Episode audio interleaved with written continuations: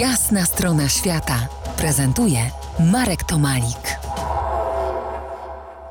Adam Kwaśny, podróżnik, pisarz i scenarzysta. Adamie, kiedy ostatni raz byłeś na Kubie? Byłem w lutym, w lutym tego roku, tuż po pandemii właściwie.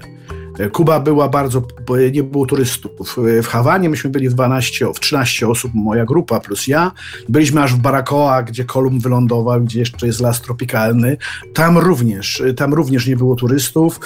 Było zamkniętych wiele lokali, a te, które były otwarte, nagle zrobiły się tańsze i w tych miejscach, gdzie dawniej byli tylko turyści, wrócili do nich Kubańczycy. Oczywiście to jest bardzo trudne gospodarczo i finansowo dla ludzi zamieszkujących wyspę, a, ale ja troszeczkę poczułem, jakby Kuba odzyskała siebie dla samej siebie. Odzyskała siebie dlatego, że jednak ten napływ turystów przed pandemią już zaczynał robić z Kuby powoli takie wesołe miasteczko, które ma tak dokładnie wyglądać, jak sobie to turyści wyobrażają. No właśnie, no to co? To jaka jest ta Kuba? Taka, jak my mamy o niej wyobrażenia? Czy taka, jak teraz jest po pandemii i właśnie bez turystów? Która jest prawdziwa? Oczywiście, że prawdziwa jest bez turystów i to jest niestety koszt wielki, prawda? Bycie w momencie, kiedy jak, w jakiś sposób zupełnie jest o troszkę ten obraz odbiega od y, oczekiwanego ode mnie, to jest natychmiast problem.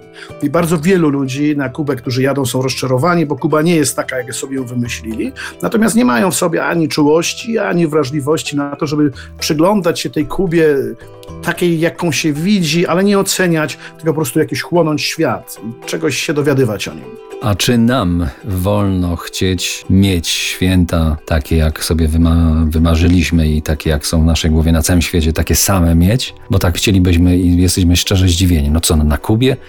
I to na Kubie nie ma takich świąt jak u nas? No to znaczy, ja myślę sobie, że to w ogóle wynika z tego naszego pierwszego jakiegoś impulsu, o którym znakomicie Dorota Masłowska kiedyś napisała, że kiedyś świat był lepszy. Wtedy, kiedy Niemcy byli Polakami i Francuzi byli Polakami i Kubańczycy Polakami byli i wszyscy mówili po polsku i wszyscy robili to, co lubimy, a barszcz i uszka i pierogi ruskie na Kubie były, wiadomo, znakomitą potrawą, ale potem ten świat się nagle zburzył. Ludzie zaczęli mówić w nieznanych nam językach. Zaczęli jeść potrawy, które nie do końca nam smakują i tęsknota za barszczem z uszkami i pierogami ruskimi potrafi zatruć naszą duszę, kiedy wyruszamy w świat. O, gorzko, no to teraz trochę słodyczy. Życzenia świąteczne dla słuchaczy RMF Classic po twojej stronie. Felicidades, a może jeszcze takie pozdrowienie w języku Yoruba, w języku, które potomkowie niewolników zachowali zachowali jako język, który podczas obrzędów właśnie e, religijnych jest używany i to pozdrowienie brzmi Acie i Boru, a oznacza w wolnym tłumaczeniu niech moc będzie z wami. Acie i Boru.